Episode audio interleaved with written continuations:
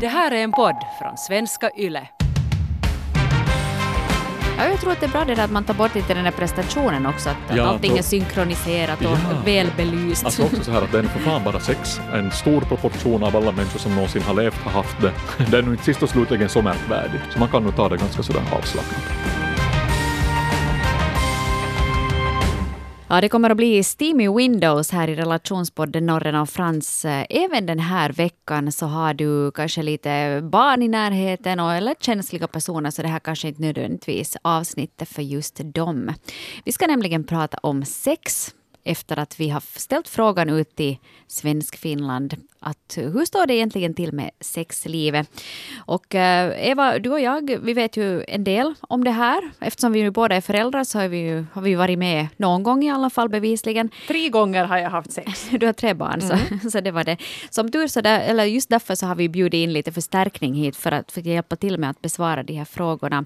Vi säger hej och välkommen till Patrik Järn som är professor i psykologi och sexualterapeut. Tack så hjärtligt. Det är trevligt att vara tillbaka.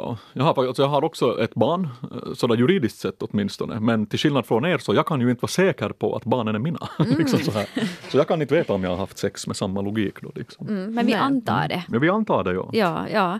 Hör du, eh, du har ju som sagt koll på de här sakerna och eh, därför så tycker jag att det är roligt att vi ska kunna prata lite mera om det som vi var inne på redan förra veckan, nämligen eh, hur man får till det på bästa sätt. För att vi har ju märkt av, av alla de frågorna som har kommit in att väldigt många människor verkar vara lite i osynk då det kommer till sexlivet. Man, förra veckan pratade vi mycket om att då man vill olika, man vill Ofta. olika Ja. ofta och man vill, ja, det är liksom lite sådär, att det inte riktigt sådär funkar.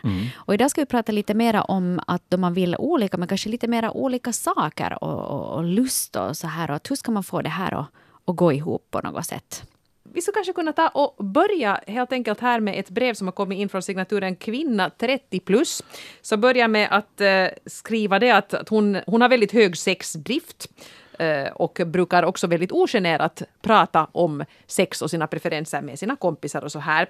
Och så skriver hon, jag skäms inte över att berätta att jag använder porr och ser på porr emellanåt i vardagen när jag onanerar och det gör jag minst två gånger om dagen. Varför onanerar jag då och har inte bara sex? Ja, jag är själv väldigt mån om vem jag ligger med och vill gärna att det ska kännas som en god vänskap med en extra krydda. En Ennattsligg är därför helt uteslutet för mig. Jag vill ha sex med en god vän, eh, träffas med eller utan sex och bara njuta av varandra. Det här tyckte jag var jätteintressant. En väldigt liksom sexuell person, men hon är ändå ganska kräsen när det gäller partners. Ja, och så kan det väl vara och det är inget problem med det. Att vi får hoppas att hon hittar någon partner som uppfyller kriterierna då helt enkelt. Eh, men ja, alltså hon verkar ju vara en sexpositiv och trevlig fin människa. Eh, och det är klart att det är ju helt oproblematiskt att, eh, att man är selektiv. Och sen är det ju så liksom att eh, att av nödvändighet så är ju liksom kvinnor eh, som grupp då mera selektiva än män när det gäller liksom att välja partners, helt enkelt för att sex är mycket mer riskabelt för kvinnor. Ja, konsekvenserna kan vara helt annorlunda. Ja, alltså konsekvenserna är massivt annorlunda. Det här är ju någonting som skulle vara jättebra att eh, alla skulle förstå.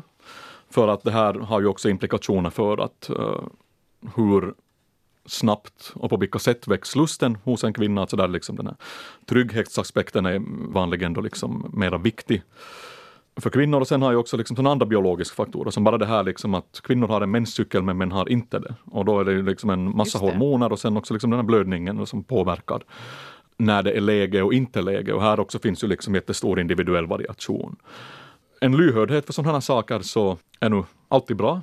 Och sen är det ju liksom jättebra att hon ändå liksom eh, njuter av sin sexualitet. Att inte det är något problematiskt att göra det ensam heller. Mm. Oj, det kanske egentligen är tryggare också för att uh, man brukar ju lätt tänka så här att ja, men alla de här som, som vill ligga hela tiden, att man drar hem folk urskillningslöst från höger och vänster och det är ju faktiskt inte så, vilket är bra för man ska också komma ihåg det här med att ta hem en främmande person från till exempel krogen, det är ju inte helt riskfritt. Nej, och den risken är förstås större för kvinnor än för män om det är heterosexuella, liksom, ett heterosexuellt par här. Då, liksom. Men, eh, men det, riskerna begränsas ju inte bara till det, alltså till något sådant direkt fysiskt hot, utan det är ju också liksom att könssjukdomar smittar mycket lättare till kvinnor från män än tvärtom. Och sen att uh, alltså preventivmedel är ju ett ganska modernt påfund, att det är hemskt. eh, det är bara några decennier som det har funnits liksom pålitliga preventivmedel så sen den här liksom minsta möjliga investering i ett barn är en utlösning för en man medan det är liksom nio månaders graviditet och sen amning därtill och så här för kvinnor. Det är liksom en, en jättestor risk som förstås liksom under hundratusentals år av evolutionärt tryck har format liksom det här hur man beter sig och ser på saker. Så det här är ju liksom mot den bakgrunden är det ju jättelätt att förstå att kvinnor är mycket mer selektiva och liksom har kanske liksom andra önskemål än, än män har. Och då kan det ju lätt bli liksom att i heterosexuella parförhållanden, om de har hållit på länge, så att man kanske liksom hoppar över de här liksom uppvärmningsfaserna. Att, mm. att, jag vet att det är ganska vanligt att liksom kvinnor som lever i långa parförhållanden till exempel klagar på att, liksom, att när deras män visar sexuellt intresse så är det så att de liksom grabbar tag i någonting då liksom sådär genast. Mm. Uh, och det kan ju vara bra, men det behöver inte vara bra. Men återigen där är det ju liksom att kunna vara tydlig med vad man vill och vad man vill att den andra ska göra. Mm. Det, det var en bekant till mig som sa att uh, för att ha sex så behöver hon Uh, sushi, två glas vin och en bra diskussion. Efter det så är hon färdig för precis allting. och det där kan ju vara liksom lite att man, för kvinnor tycker jag oftare än män ja. brukar säga just det att jag behöver känna att vi ser varandra i ögonen och vi är på samma plats och att vi ger varandra den där ja. uppmärksamheten. Att det är inte bara att du lägger mobilen till sidan och sen hoppar du på sa mm. det, hoppade ja. i sadeln. Att, honk, honk. Ja, att det ja. behövs lite mer och att där kan det vara just att man behöver känna den där kontakten till den andra personen på ett mentalt plan och på ett känslomässigt plan för att ja. sen kunna då ge sig hän, så även det på, vara, det, ja. på det horisontella planet. Ja, men det är också liksom sådär, it's complicated, så jag tror att om någon skulle dyka upp då hos din bekant med en flaska vin, sushi två gånger i veckan, så nu ska vi prata. Ja. Så då skulle det få helt motsatt effekt. Ja, det kan hända, ja. Too much is too Det blev lite genomskinligt det här nu. Ja. Men det är ju igen det här liksom att nu tog vi redan upp det här liksom att uh, sån här anledningar till att uh, nu kvinnors sexualitet tenderar vara liksom mer selektiv och att det skulle vara jättebra om män i heterosexuella förhållanden skulle förstå det här. Uh, så på samma sätt då liksom så fungerar mäns sexualitet annorlunda. Att män nu liksom så tänder snabbare och vill ha oftare och ha liksom starkare lust. Jag förstår att liksom det kan också vara svårt liksom för kvinnor att liksom sympatisera med den tanken. Liksom. Speciellt nu om man uh, säg ligger där med mensvärk och någonting sånt här, att man är i en sån här fas. Men i alla fall att att uh, det är nog inte så mycket man kan göra åt det att man har sådana hormoner också. Liksom, så att uh, igen den här teamtanken att man ska kunna liksom vara lyhörd för den andras behov och att det nu liksom att det är nog att om den här partnern nu har varit liksom ganska kåt av sig i tio års tid så det är ju inte sannolikt att det ska liksom ändra av ett samtal på en vecka eller så här. Liksom, att det, nej, nej, så förstås. att man får lite ha lite sådär radical acceptance åt båda hållen. Där. Mm. Uh, jag kommer att tänka på det nu, det var någon faktiskt som hade skrivit in, eller flera av er som har kommenterat just det här med alkohol och sex och hur det egentligen fungerar ihop. Att, som den här min bekanta sa just att efter två glas vin så är det ju som bäst för att du är inte liksom jätteberusad men du är inte heller spiknykter och väldigt självmedveten. Mm. Vad säger du som ändå liksom expert på området? Vad, vilken är din tanke kring det här med alkohol och, i kombination med sex? Ja, alltså det här har man ju studerat också enormt. Alltså det är liksom att den är urformad den här kurvan. Så om man är, eller det här gäller förstås inte för alla, de är på gruppnivå. Så det, så är man spiknykter så då kan man också liksom angsta mera och man är kanske mera nervös. Så att alkohol har ju en sån här liksom avslappnande effekt. Mm. Uh, men sen vet alla som har druckit några Jägermeister för mycket uh, hur, vad, vad som händer då.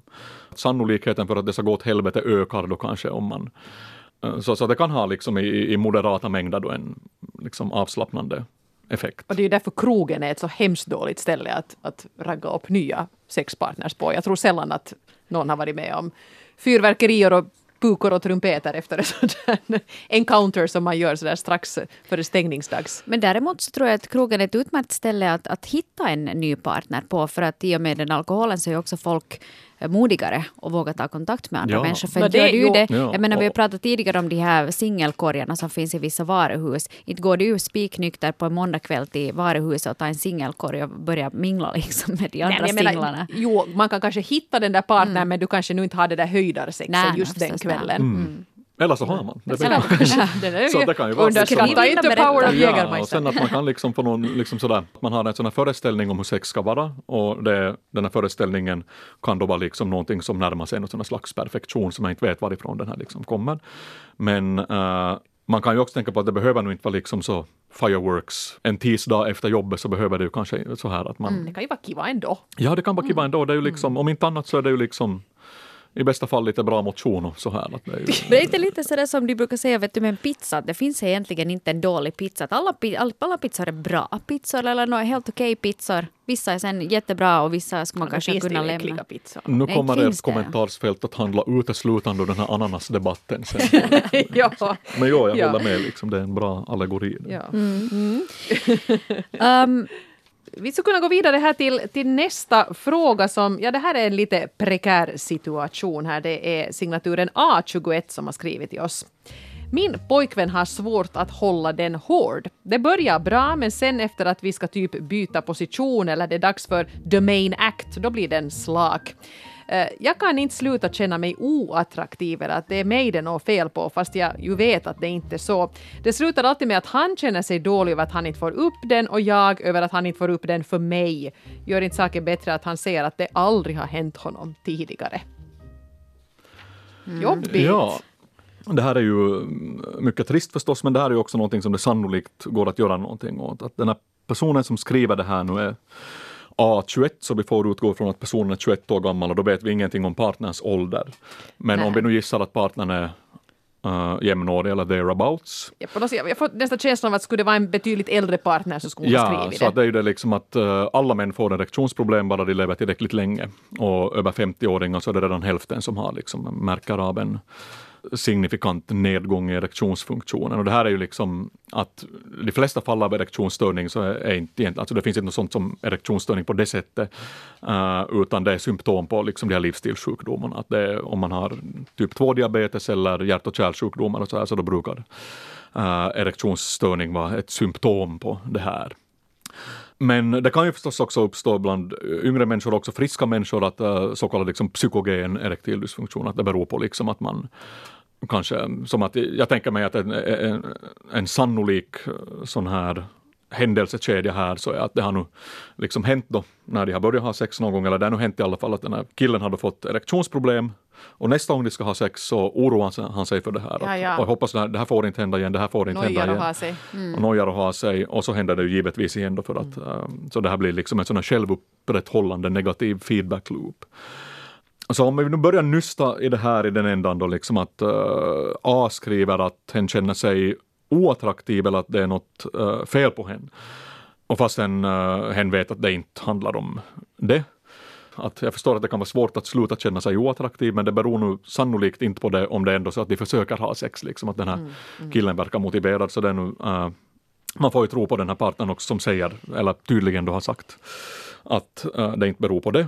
Och så får man ju också förstås förstå att den här eh, killen känner sig dålig över att han inte får upp den och sen är det ju liksom så det kan vara sant det här att, han, att det aldrig har hänt förut och bara den här gången. Och det kan ju också bero på att han är bara så attraherad av A att han blir så nervös att det liksom inte funkar. Eh, men det kan också bero på vad som helst. men vad kan man göra åt det där då? Om man Nå, tänker att det man är liksom... liksom, äh, alltså sista utvägen blir ju då liksom att ta mediciner, så det finns ju Viagra till exempel, så det fungerar ju jättebra. Eller säga att man kan inte få erektion av Viagra, tvärt emot vad man, så jag skulle kunna knapra all Viagra i världen och jag skulle inte få erektion för det. Men äh, det gör det lättare att få erektion, men framförallt så upprätthåller det den här erektionen som man måste kunna få av sig själv. Så om man till exempel har någon Säg att man har blivit opererad för prostatacancer och då, liksom, då kan man också ofta få vävnadsskador där i sån här känslig vävnad runt, så då kan man ta Alviagra i världen och ingenting händer, alltså om vävnad är skadad så att man inte kan då få. Så för att få stånd så måste man faktiskt vara avslappnad. Att det är en fight or flight sån här reaktion, så att det finns sån här icke viljestyrda muskler som hela tiden stryper till blodtillförseln till penis. Då liksom. så att, och de har jobbat som fan då nästan hela tiden. Så att eh, de måste slappna av så då slipper blodet rinna till och då får man erektion. Men att man kan inte få erektion om man är liksom väldigt sådär agiterad eller rädd. till exempel så här. Men om, men om man Alltså- är liksom, just som du sa, att man kanske är jättetänd på sin eh, partner och tänker att nu skulle vi vilja ha lite sex här och så här och så, och så händer det ingenting. Finns det någon övning man kan göra eller hur kan man liksom komma förbi sin egen hjärna? Just som Nå, du sa, att om det har hänt några alltså- gånger man är nervös för att det ska hända igen, hur kommer man liksom över det där? No, det är ju liksom, en sak är ju då radical acceptance, att nu händer det nog att man inte fick stånd, men att så what? Att, det verkar nu liksom ha en ganska bra relation på basen av det här korta nu som de skriver. Eller det verkar som att den här partnern har sagt ja, att det handlar inte om att du är oattraktiv eller något sånt här. Men att man kan ju prova någon sån här, alltså en ring, sån här penisring. Alltså det finns ju liksom vilken sexshop som helst och man kan beställa den diskret på nätet. Så det är bara en sån här pryl som hjälper till att den stryper åt lite, så när man har fått stånd då, så då är den på plats och så då äh, hjälper den till så det här blodet inte slipper ut därifrån igen. Så det kan man prova och sen när man har fått då några bra upplevelser så kanske man kan ta bort den här. Alltså risken med alla sådana här och liksom att ta Viagra och så här, så är ju det att man sen blir så här att man klarar inte sig utan det. Mm. Att man blir som, man får liksom ett psykiskt beroende då av den här. Men inte vet jag om det är sen hela världen heller. Att där är ju liksom med de farmakologiska preparaten, så där måste man ju passa på då liksom att, så att man inte tar några andra mediciner som interagerar med det här.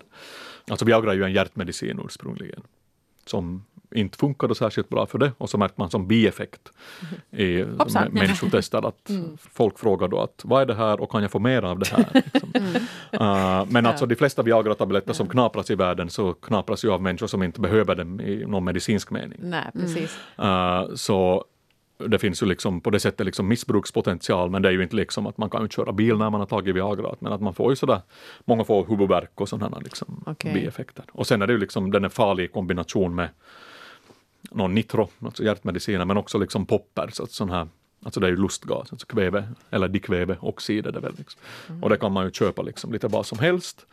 Och det ger då ett sånt här kort rus, men det kan leda till sån här uh, akut blodtrycksfall och till döden i bästa fall. Liksom.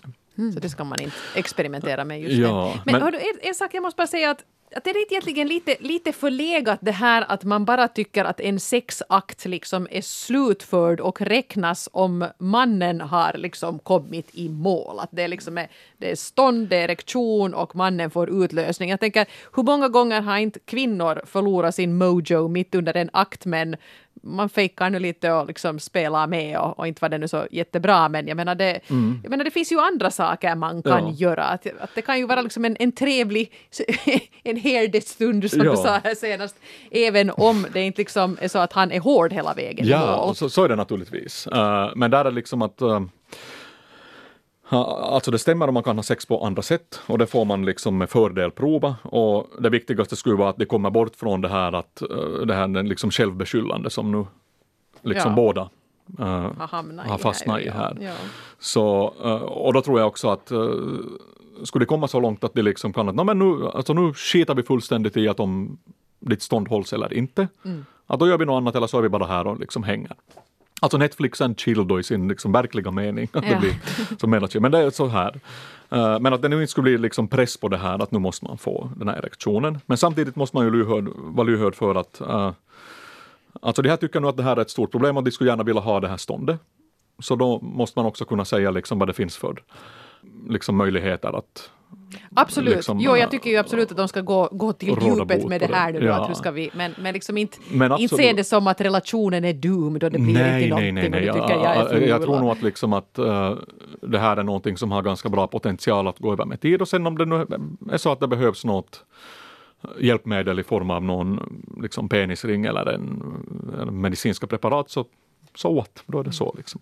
Mm. Men jag tycker att, liksom att jag, det är ett väldigt sympatiskt mejl det här. Att det är liksom, ja. uh, här är nu liksom tycker jag man skönjer liksom lyhördhet och liksom att, så att man, de verkar ändå vara jättebrydda i varandra. Ja. Så alltså fortsätt med det bara och sen det här att som att skit i det om man inte får stånd. Ska man sen... mm. Bättre lycka nästa gång. Ja, mm. eller kanske inte heller liksom det här rikta fokuset på den här nästa gång att vet du, det skulle bli då. Utan bara att nu är vi här och så gör vi vad vi kan och så blir det vad det blir. Ja, jag tror att det är bra det där att man tar bort lite den där prestationen också. Att nu ska man, det ska vara som att man ska komma i mål och folk ska, det ska vara sådär som på film. Vet du, ja, att allting så, är synkroniserat och ja, välbelyst. Alltså också så här att det är för fan bara sex och en stor proportion av alla människor som någonsin har levt har haft det och det har nu liksom det är nu inte sist och slutligen så märkvärdigt liksom. Att, så man kan nog ta det ganska sådär avslappnat. Lycka till säger ja. vi här mm. unisont. Ja, de flesta har väl haft sex någon, någon gång, men, men det finns ju också faktiskt ganska många som inte har haft sex överhuvudtaget. Och det handlar inte bara liksom om, om, om unga människor som kanske inte ännu har hunnit göra sin sexdebut, utan också äh, människor i vuxen ålder är oskulder. Och till exempel kvinna 27 år så har skrivit in ett brev i just det här ämnet. Jag har aldrig haft sex det är ingen prioritet men samtidigt så är oskulden en börda som ständigt gör sig påmind när mina vänner nu en efter en börjar skaffa familjer. Min oskuld beror nog på att jag är rädd att bli sårad. Jag är en sexuell person med inga problem att tillfredsställa mig själv men för mig så krävs det en stark tillit för att jag ska våga visa mig för en annan människa. Varje gång jag får känslor för någon tenderar jag avsluta det för att undvika att bli sårad. Samtidigt så är jag medveten om att jag går miste om livets goda sidor på grund av min osäkerhet. Så skriver alltså kvinna 27. Är det liksom att tröskeln har blivit jättehög? Att man tänker att alla andra har gjort det här och jag, jag är den tåget. enda och jag har missat tåget och man vågar inte säga åt någon mer att jag är 27 och oskuld för att alla tänker att vad är det för fel på dig då? Mm. Att, att, liksom, att den här tröskeln är bara liksom oöverkomlig. Ja, alltså jag förstår ju att man liksom har den här känslan, uh, men samtidigt så verkar nu alltså, hon säger också att det är ingen prioritet. Alltså det är två saker som ligger då i någon sorts vågskål. Att det är den här liksom rädslan för att liksom utsätta sig och sen bli sårad. Man skyddar sig själv genom att aldrig engagera sig. Heller. Men sen är det liksom det som jag lite ställer mig frågan att vad är det nu egentligen som är i den här andra vågskålen? Att, att finns där liksom en sån här liksom också en liksom inre drive, att man som skulle vilja ha det här? Eller är det mest något sånt här att man reagerar på något uppfattat socialt tryck? Att uh, folk i bekantskapskretsen börjar nu liksom stadga sig och skaffa barn och så här. Om det nu bara handlar om att man är lite orolig sådär för att inte passa in, men att man ändå kanske helst lever ensam. Så då är det nog kanske då är det väl ingen brådska med den här. Att då kan man, inte har man någon skyldighet inför andra. Att inte är det så att man måste stadga sig och skaffa barn eller ha sex bara för att andra har det. Men att nu skönjer jag ju kanske på något sätt också här att här finns någon slags liksom, lust och saknad efter någonting. Mm. Och det är nog ganska svårt att ge något liksom konkret råd vad man ska göra här. Men en lösning skulle faktiskt kunna vara att liksom uppsöka en terapeut, alltså helt en liksom psykoterapeut eller en slags sexualterapeut. För att lite mer liksom djupare prata om liksom det här, att vad är det nu som orsakar det här och sen att om det nu handlar om att man så som jag nu tolkar det här, att den här personen ändå börjar lida allt mer mm, mm. av att hon känner sig begränsad av sina egna rädslor. Och det kan vara ganska svårt och förstås att ju längre det går så desto svårare kan det bli att liksom komma ur det här. För att man har liksom byggt upp sina defenser och man har liksom organiserat sitt liv på ett sätt kanske där man liksom undviker då liksom den här typen av kontakt med potentiella partners. Nu förstår jag det liksom att nu tänker jag mig att väldigt många människor skulle ha att, eh, som att om man, inte har, om man är den enda i bekantskapskretsen som inte har haft sex så nu ska man ju känna av det på något sätt. Liksom, så ja. här. Det, liksom. mm. Men ska vi apropå det, alltså här var ju en annan som lite skrev om samma, det var en man som kallar sig svärmorsdrömmen 23. Eh, som han, han skrev så här.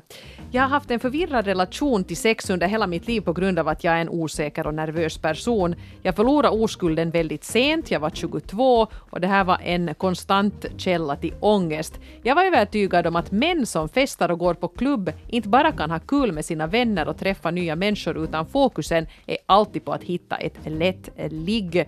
Jag tror att samhället värderar unga män som kan ligga runt under eftertanke, så jag ljög om mina många och vilda sexuella äventyr för mina vänner, även om jag bara hade kysst en kvinna, också då krävdes det alkohol.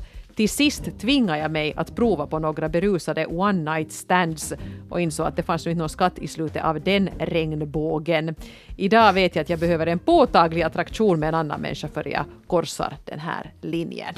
Mm lite samma scenario där alltså, mm. men han, han tacklar ju det på ett väldigt annat sätt. Ja, men att svärmorsdrömmen har ju lärt sig mer om vad svärmorsdrömmen tycker om och inte tycker om, så det är ju hemåt.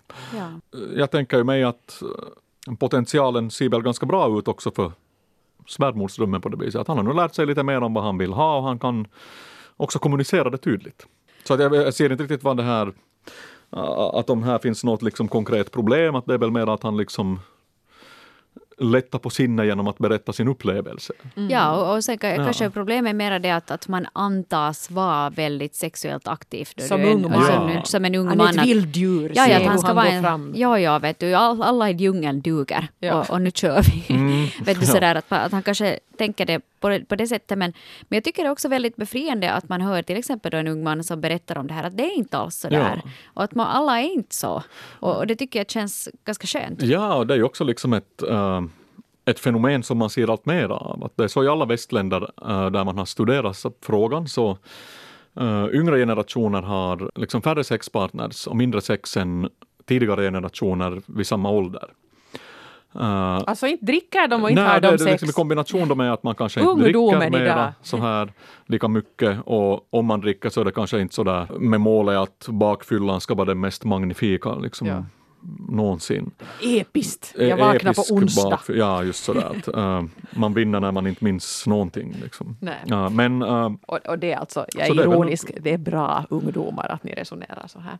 Ja, det är det väl. Ja. Den här frågan handlar väl om att han har identifierat någon sorts maskulinitetsnorm som han sen har märkt att han inte riktigt passar in i fast han nu har mm. gjort tappra försök. Men han har ju liksom märkt vad han ja. tycker om. Good for him. Good for him. Mm. Mm. Uh, jag skulle vilja prata ännu lite om, om det här med um, vad man kanske antar att uh, man ska göra och att alla andra gör si eller alla andra gör så.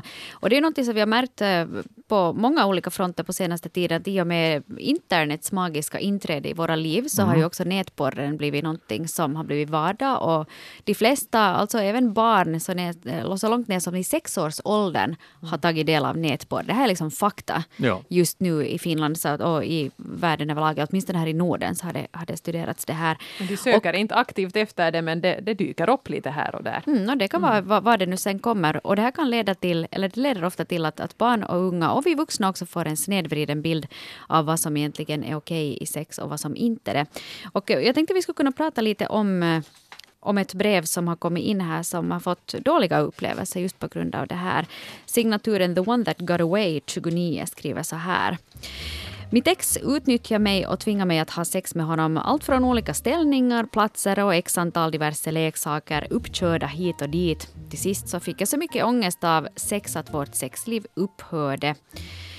Vi grälade dagligen om sex eftersom han ansåg att flickvännens roll var att ha sex med pojkvännen och han inte såg vitsen med att ha en flickvän om hon inte hade sex med honom. Efter flera års utnyttjande tog jag mig ur relationen men efter det så hade jag noll sexlust och bara tanken på att ha sex orsakade ångest och rädsla.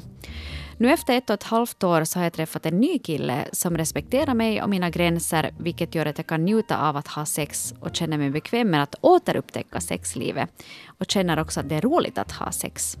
För mig går sexlusten i vågor. Ibland så blir det mer och ibland mindre men jag tror att kommunikation är A och O när det kommer till sex. Och eh, här, det är ett ganska typiskt exempel på att e-, den ena har haft preferenser som helt tydligt har överskridit den andras gränser. Ja. Och det är ju mycket olyckligt att det har blivit så här. Och det är ju bra då att hon har tagit sig ur den här relationen där hon har upplevt sig utnyttjad och så här. Nu är det förstås svårt att säga då liksom i ett enskilt fall, att alltså här är ju också att hon har också lärt sig mer om vad hon uh, om gränssättning om sig själv och sina preferenser. Som hon säger här då liksom att uh, också att hon pratar mer öppet om de här sakerna med sin nuvarande partner. Så det är ju liksom, det är också liksom good for her och tråkigt att det skulle behöva bli en sådär liksom plågsam upplevelse att få den insikten. Det ska ju aldrig vara så att man känner sig tvingad att göra någonting. Mm. Men, men har inte kanske också blivit just i och med, nu visserligen nog nätporr, men det är många som inte tar del av det heller. Men jag tänker filmer som till exempel 50 shades of Grey där man börjar prata om sadomasochism på ett öppet sätt. Det dök upp liksom i mainstream underhållningen. Mm. Och efter det här så blev det som att ja, alla kvinnor vill tydligen då bli dominerade och, och män är lite sadistiska eller tvärtom. Att man har en sån här bild av att, av att sex måste vara någonting extremt för att vara då liksom häftigt och tillfredsställande. Mm. Alltså det är ju, alltså det, det är ju, alltså jag förstår det här att man kan äh, att det kan uppstå sånt att man tycker att man borde tycka om sånt som äh, man egentligen inte tycker om för att det är hippt eller det finns någon sån här liksom social press på det. Så det måste man ju sluta med, att man måste ändå liksom lära sig att vad tycker man om och vad tycker man inte om. Och det kan man ju, äh, det är ju svårt att lära sig det utan att få en enda negativ upplevelse. Där är det ju liksom att pröva sig fram och lära sig om sig själv. Och sen kan det ju också hända att, liksom, att man, människor utvecklas ju. Alltså det som var ens preferenser när man var 20 så kan ju vara helt andra bara med en annan partner i samma ålder eller samma partner liksom i, uh, senare i livet och så här. Eh, ja, fanns det liksom en konkret fråga? Liksom, som är, Nej, inte egentligen, men, men jag tänker liksom att, att, att det kanske Var kan vara svårt om... Ja, mellan att liksom ställa Ja. upp och liksom vara sådär att, att vi kan testa på det här när ska man liksom ge sig in i spelet och när ska man då liksom säga att nej men här, nej. Ja, no, det det är här det på att- förhand redan säger jag det där gör inte Ja, jag. alltså det är ju det stora problemet, att det är ingen utomstående som kan säga det åt någon. liksom, det måste man veta själv och klura ut då själv på något sätt. Men också det här liksom att ehm, Alltså det är inte så liksom att sex måste vara extremt eller så här, utan var och en har sina preferenser och så får man bara hoppas att alla hittar någon som vars preferenser matchar de här egna. Men eh, det sagt så är det ju också liksom att man ska inte heller liksom demonisera det här som vi nu kallar liksom mera extremt sex, att det är ändå liksom eh, en av de absolut vanligaste sexfantasierna så är just någon sån här liksom eh, dominans eller underkastelse liksom, eller ha sådana element. Eh, till exempel liksom våldtäktsfantasier är jättevanliga hos kvinnor medan det är förstås extremt sällsynt att någon verkligen skulle vilja bli våldtagen. Men det finns någonting liksom i den här dynamiken som väcker liksom många sexlust. Och uh, det är nog runt en tredjedel av alla människor så, uh, i, Finland så har intresse för eh, det som man kallar då BDSM, liksom sådana bondage, dominans, underkastelse eller sex med sådana inslag. Så det är ju mycket vanligt och liksom det som jag skulle vilja undvika är att man liksom diskuterar de här frågorna på ett sätt liksom där det verkar som att man tar ställning för eller emot en viss typ av sex. Alltså det var en person, en sån här, han är sexforskare som heter Charles Moser och är mycket känd just sån här liksom BDSM-forskning. Så han hade en sån här bra definition av pervers. Så det var att a pervert is anyone who is just slightly more kinky than you are. Så det är just sådär att man har liksom Ja. eh, sin egen föreställning om vad som är normalt och okej och liksom upphetsande och så här. Och sen om någon har en sexuell preferens som är säg, lite rojsigare än det, så kan den här reaktionen också bli så herregud, liksom så här. Är du sjuk i huvudet? Ja, och det är ju liksom inte konstruktivt. Nej. Men jag tänker där också att, att ju, om man har då en partner som vill någonting som du inte vill så Ja, blir så. det ju lätt också att man, att man lite beskyller den där partnern. Att Hur kan du vara så där rojsig och usch vad äckligt. Och, Ja. och som du sa där tidigare också så sa du ju det att det är det mest effektiva sättet att såra någon är ju att kritisera dem eller deras För sexuella sin beteende. ja. Ja. Som man har visat då liksom i en sån här intim situation. Så det är ju, ja. Men hur ska man göra då? Om vi säger att den ena gillar då det här Ja. och, och, och själv tänker du att det vill jag absolut inte göra. Kan man, ska man, bör man mötas på mitten? Bör, är det en skyldighet att ens försöka eller? Nej, Alltså man ska ju inte göra någonting som man inte vill, så det är Nej. nog liksom regel nummer ett. Men sen liksom om man har ett förhållande, så då tänker jag ju att det kan vara bra om man ändå liksom har en sån här lyhördhet. Att jaha, att nu vill den här personen det här. Och det är ju ganska sådär schysst ändå att vi har en så pass intim relation. Det är säkert inte så många som den här personen har berättat det här åt. Så att man kan ju ändå liksom vara lite sådär, nu är den här personen åtminstone ärlig med vad hen vill. Och det är ju det som många liksom, om du frågar liksom vad folk tycker är viktigast i ett förhållande, så folk brukar nog spy ur sig det här ärlighet. Men sen är det en annan sak då hur man verkligen hanterar det när någon är ärlig. Liksom det här. Och sen är det ju liksom att det finns nog olika, alltså, det kan jag inte säga liksom hur en enskild individ ska lösa det, men ett sätt är ju liksom att man kan ju prova sakta mak lite saker som man inte har gjort och kanske man tycker om det. Ja, lite skulle- trappa upp det, att Ja, det inte det kan liksom man rakt prova. på. Ja. Men sen om man nu gör det och märker att det här var inte bra, då måste man bara säga att nej, det här går inte för mig. Så en vanlig sån här sak i liksom heterosexuella förhållanden är ju analsex då liksom. Att sån här som, eh, det är mer ofta då liksom män som vill ha analsex och sen om liksom eh, den här partnern då liksom inte tycker om det. Så då måste man ju liksom acceptera, då är det ju liksom radical acceptance. Man kan då inte liksom ha det om det nu bara gör ont och leder till liksom plågsamhet. Så det är liksom så man måste ju acceptera också liksom sin partners gränser. Men nu tänker jag att de flesta skulle väl tycka att det är trevligt att vara i ett förhållande med en sån person som ändå är villig att, som är intresserad av vad man tycker om och liksom, alltså man ska ju inte liksom igen då gå med på sånt som man inte vill. Men eh, någon sån här liksom öppenhet och sen att, och framförallt att man då liksom accepterar att inte, Alltså på samma sätt som ingen väljer att bli homosexuell så inte väljer man heller vad man har för sexuella preferenser. Att det man har nu det man har och så är det så. Ja, och kanske man kan just ta det lite så där stegvis. Att, att, vet du, att om målet är att du ska hänga där i takkronan så, så kanske du inte vill liksom genast behöva hoppa upp dit i takkronan utan kanske du kan ta några välvalda steg åt det Sänglampan hållet. först. Ja. då, Ja, för att liksom. se, nej, men se liksom att, att vad som funkar och vad, lära känna gränsen gradvis. Mm, ja. Då får man kanske inte heller en sån där traumatisk upplevelse ifall det sen var för mycket. Som den stora Precis. tänkaren Meatloaf sa, I would do anything for love but I won't do that. Yes. Tydlighet. Men han sa också “But I can do that”. But I won't do that. Så Bara han var så lite, vet, han men- var lite ja. otydlig där, min Ja. nej.